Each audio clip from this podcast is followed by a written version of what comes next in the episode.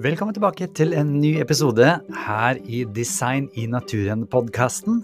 Jeg heter Chris Duve, og jeg vil bare minne deg på at du kan ta hele kurset her helt gratis med 38 forskjellige eh, informasjonsvideoer som da er lagd en podkast ut av, hvis du går inn på chrisduve.no og klikker deg inn på Design i naturen-kurset. Det finnes også et mindre kurs som heter Tre trosdyrkende fakta. Alt dette er altså gratis tilgjengelig. Men nå er det på tide med dagens episode. Vær så god.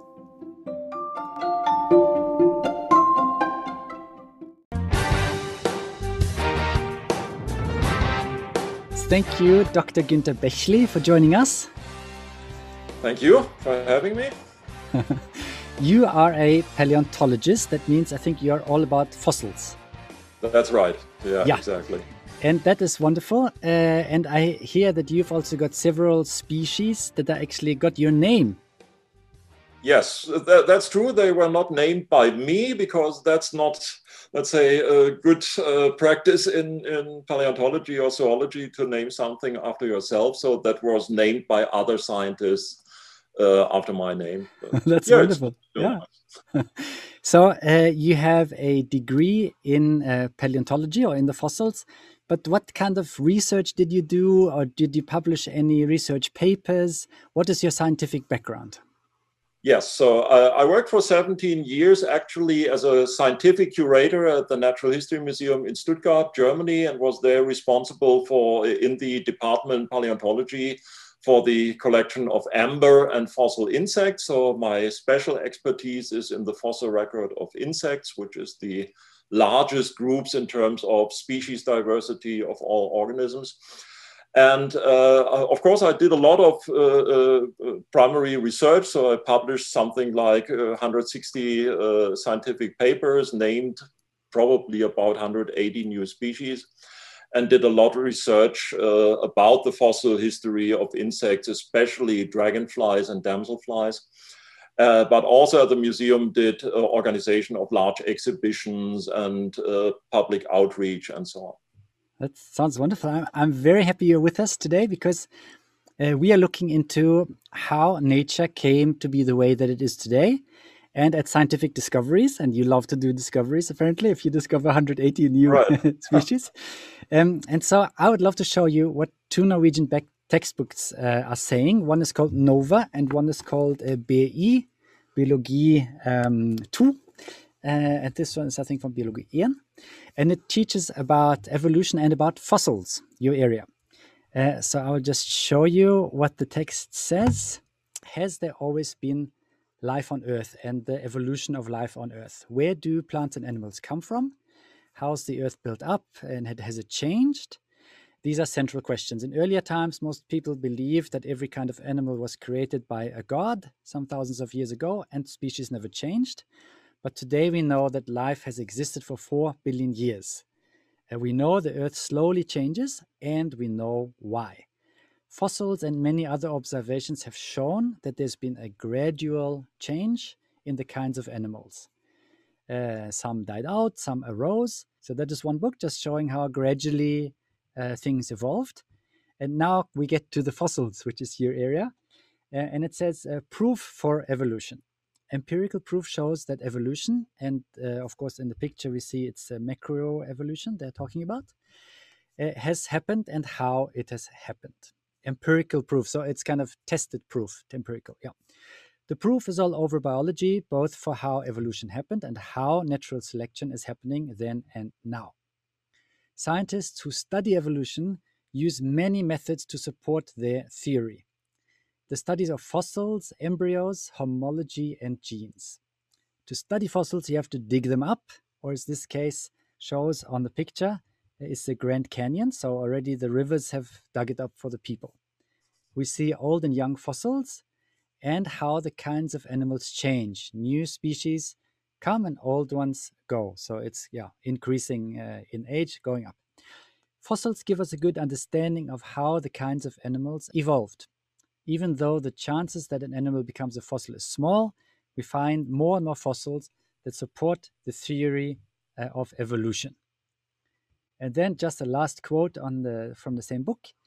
Uh, the fossil row or the fossil line, the layers of fossil, confirm the assumptions about which organisms evolved from which family.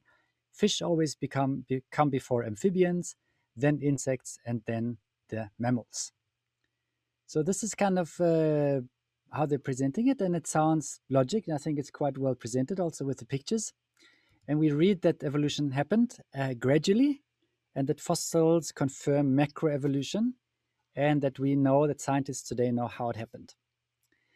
And now I know that you agreed to this uh, wholeheartedly, whole-mindedly before, uh, but now you say that science has changed your angle or your your, your thinking about it, and uh, we would love to see the evidence for for how you think. Sure.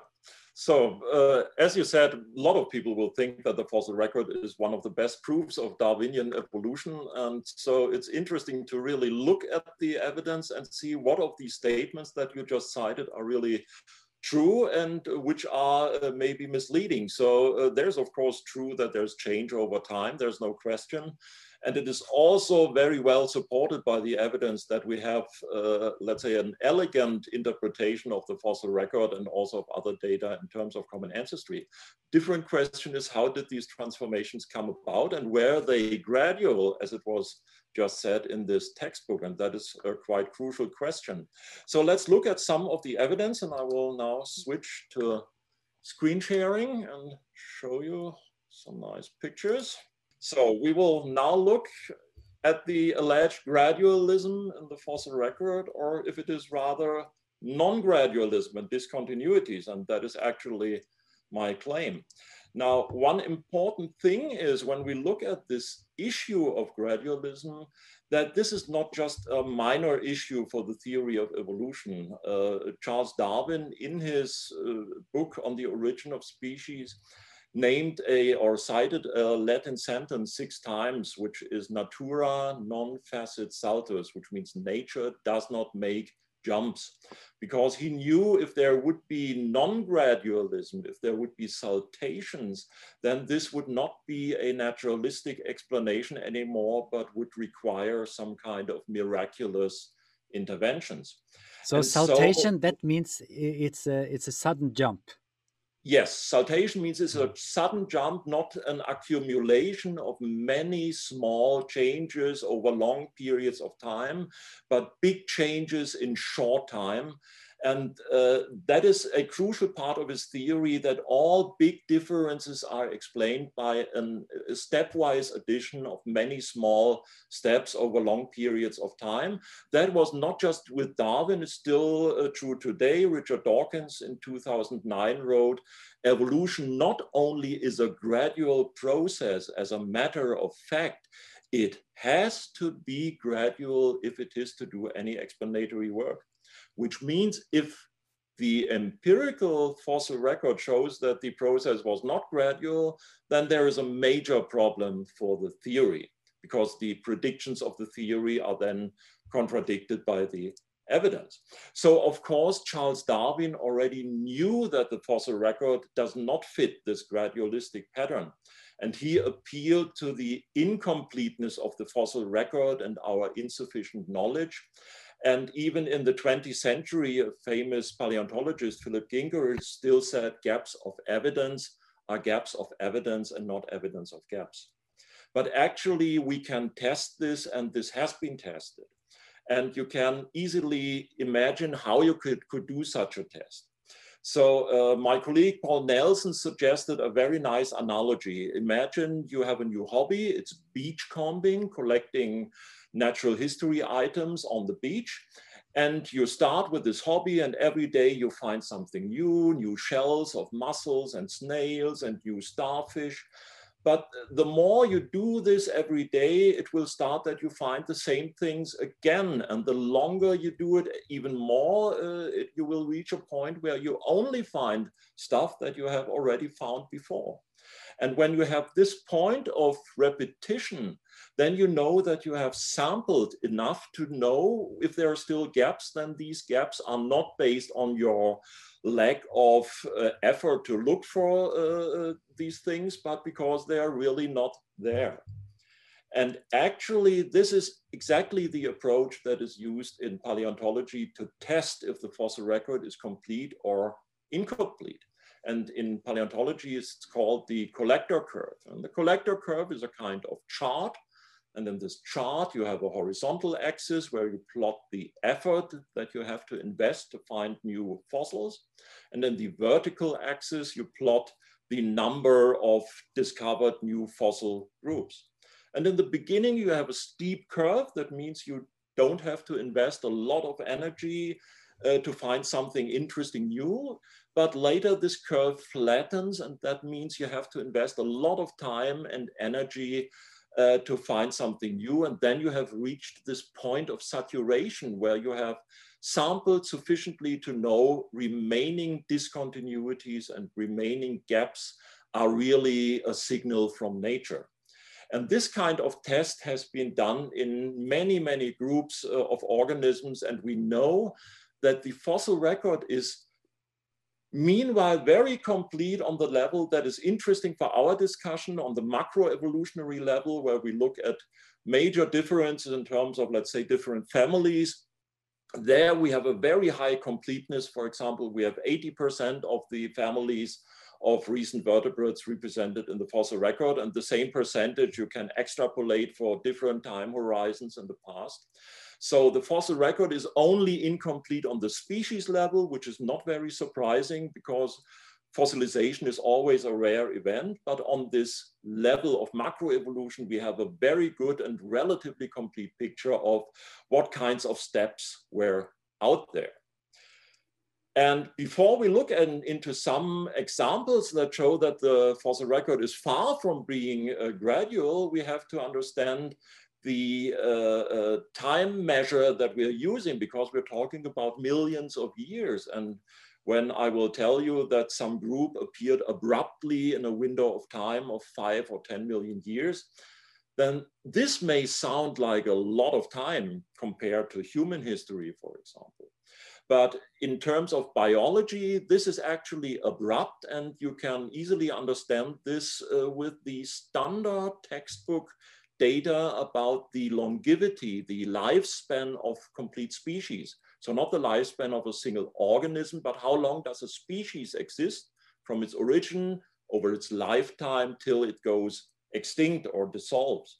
And this is about two and a half to 10 million years, according to current science, uh, uh, the lifespan of a species. This means a window of time of 5 million years is just the lifespan of one or two successive species, which then of course poses a problem if you have a major re-engineering happening in this time to bridge such a gap with just one or two intermediate species. So, so if so I can just ask about that, so so we see the image, you know, of uh, the tree of life branching out. Right. So, so in five million years, you will actually almost not have a new branch you would only have, let's say, one or two branches depending on the group. Uh, in some groups, the, this branching can be quicker. In other groups, it's a little bit slower. And of course, you can also have branching within the lifespan of a species. It's not necessarily that they always have to come one after the other and one species has to go extinct before another species branches off. But it gives you some kind of idea how long is a time span of 5 million years in biological terms? Because we cannot estimate this in human terms because we are not used to think in, in millions of years. We are used to think in decades or, or, or even hundreds of years are uh, sometimes already looking like a long time. So this shows us in biological terms this is not much time. If we look at recent species, for example, some recent songbirds, then species that uh, split uh, maybe five million years ago look almost indistinguishable to, to laymen, even though they diverged from a, a common ancestor. So, so, again, when they when they split up, it's not you don't get like new kind of animal and the old it, it's actually almost it's the same almost the same animal. It's a minor change. yes at the beginning of the split of course they look immediately uh, the same. And then uh, the theory is that with millions of years both branches uh, start to develop apart and diverge and accumulate uh, more changes, but we will come to exactly this question in, in a moment. So if we look at the fossil record, I could show you easily more than 30 so-called explosive events where new body plans, fundamental new groups appear very abruptly in the fossil record.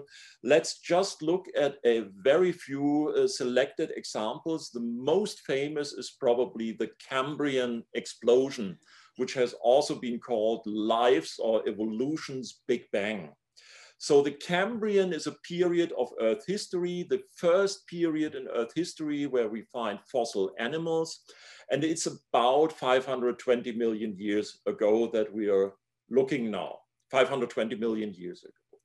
So in this Cambrian explosion, what we find is that we find an abrupt, sudden appearance of all of the major animal body plans. That means these different constructions like a vertebrate, which has the hard part insides and the soft part outside, or an arthropod, which has the hard parts outside and the soft parts inside, or mollusks, which have these calcite skeletons.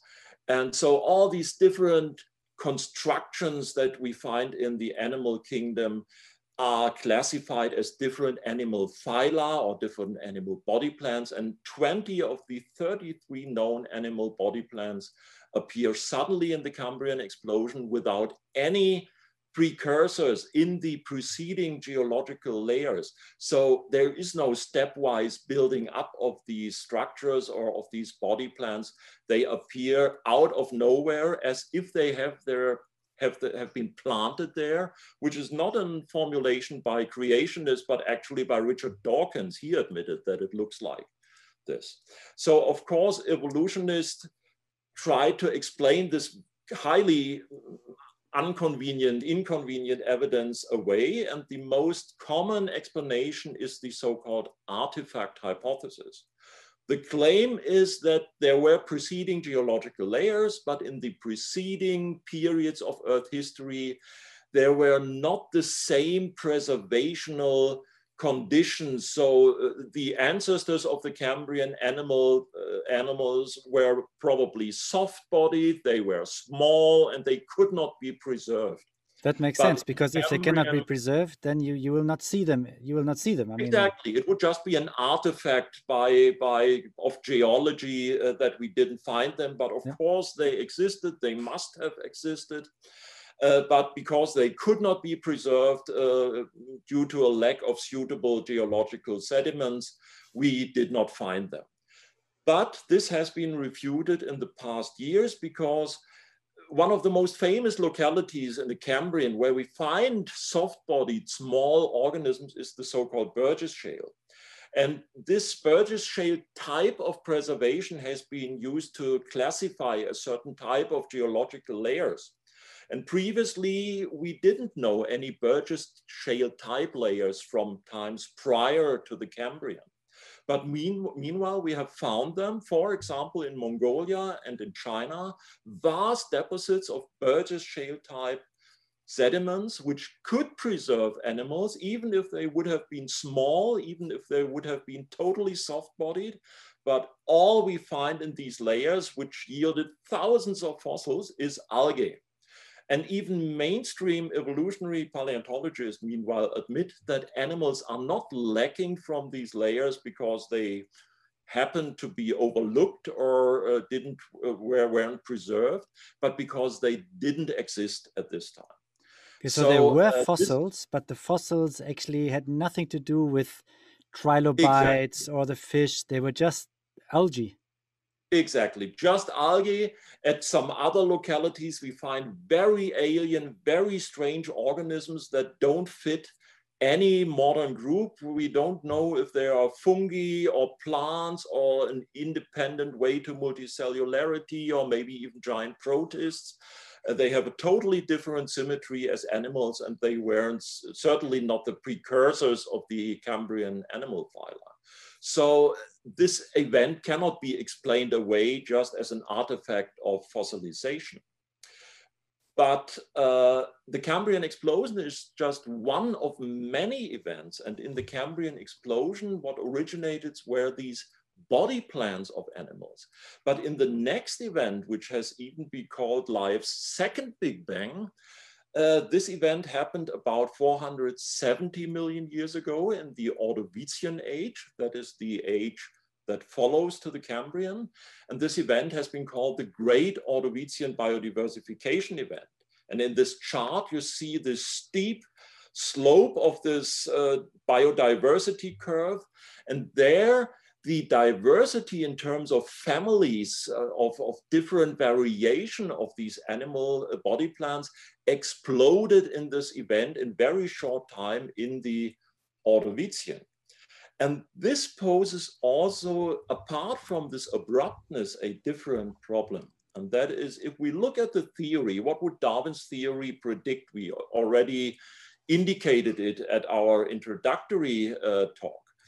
Uh, Darwin would predict that we would have some kind of bottom-up pattern. We would first find a initial ancestral species that would split into two daughter species that are only minimally different. Then they would, with millions of years, accumulate differences in these two lineages and diverge into different genera and with the, the, tens of millions of years into different families. And after many, many millions of years, maybe so much changes would have accumulated in these two separate lineages that you would classify them as different body plans, as different phyla. That would be the bottom up pattern predicted by Darwin's theory. But what we find is exactly the opposite. We find a top down pattern. We find the big changes, the body plan changes at the beginning of the Cambrian explosion, nothing prior to it, how they came to be. And then in the Ordovician later, we find the diversification of these big differences into the uh, different variations of the, the themes of these body plans. So we find this kind of top-down pattern.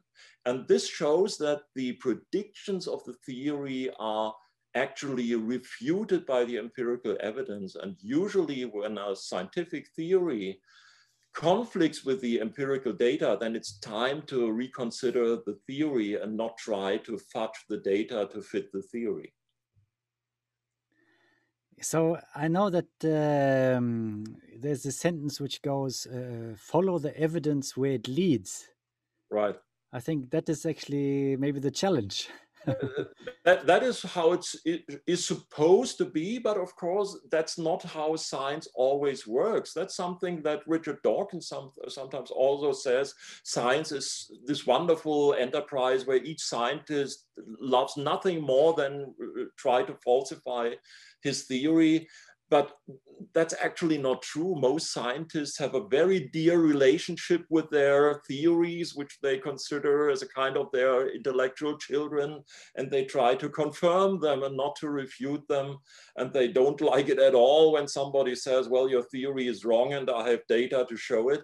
So uh, there is a big difference between how science should go and how scientists should behave and uh, and the practice because scientists are just humans and there are different things that play a role. If it is some ego uh, issues or or grant money or position or fame or so this also plays a role.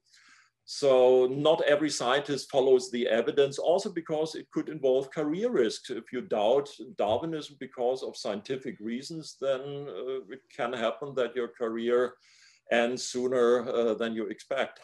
Yeah, well, that that is uh, of course it's very sad, but I, I, like the direction to follow the evidence uh, where it leads. And yeah, um, but... right now it looks a little bit like uh, what I showed you in the beginning.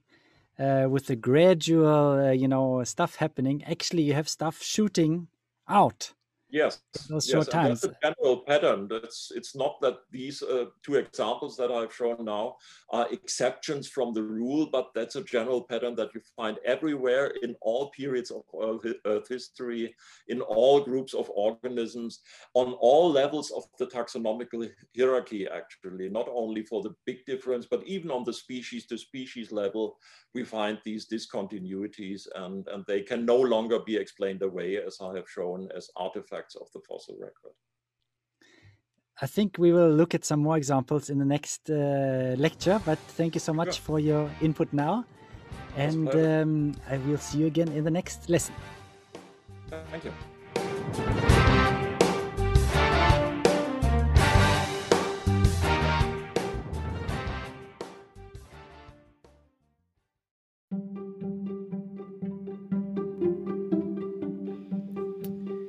Igjen, dersom du ønsker å få tilgang til de hjelpearkene eller oppgavearkene, så er det jo fullt mulig for deg å signe opp til kurset. Da går det an å laste det ned. Hvis du går inn på chrisduve.no, så ser du all informasjonen der. Dersom du ønsker å støtte denne podkasten og annet arbeid som jeg holder på med, kan du også lese mer om det på chrisduve.no. Takk for nå.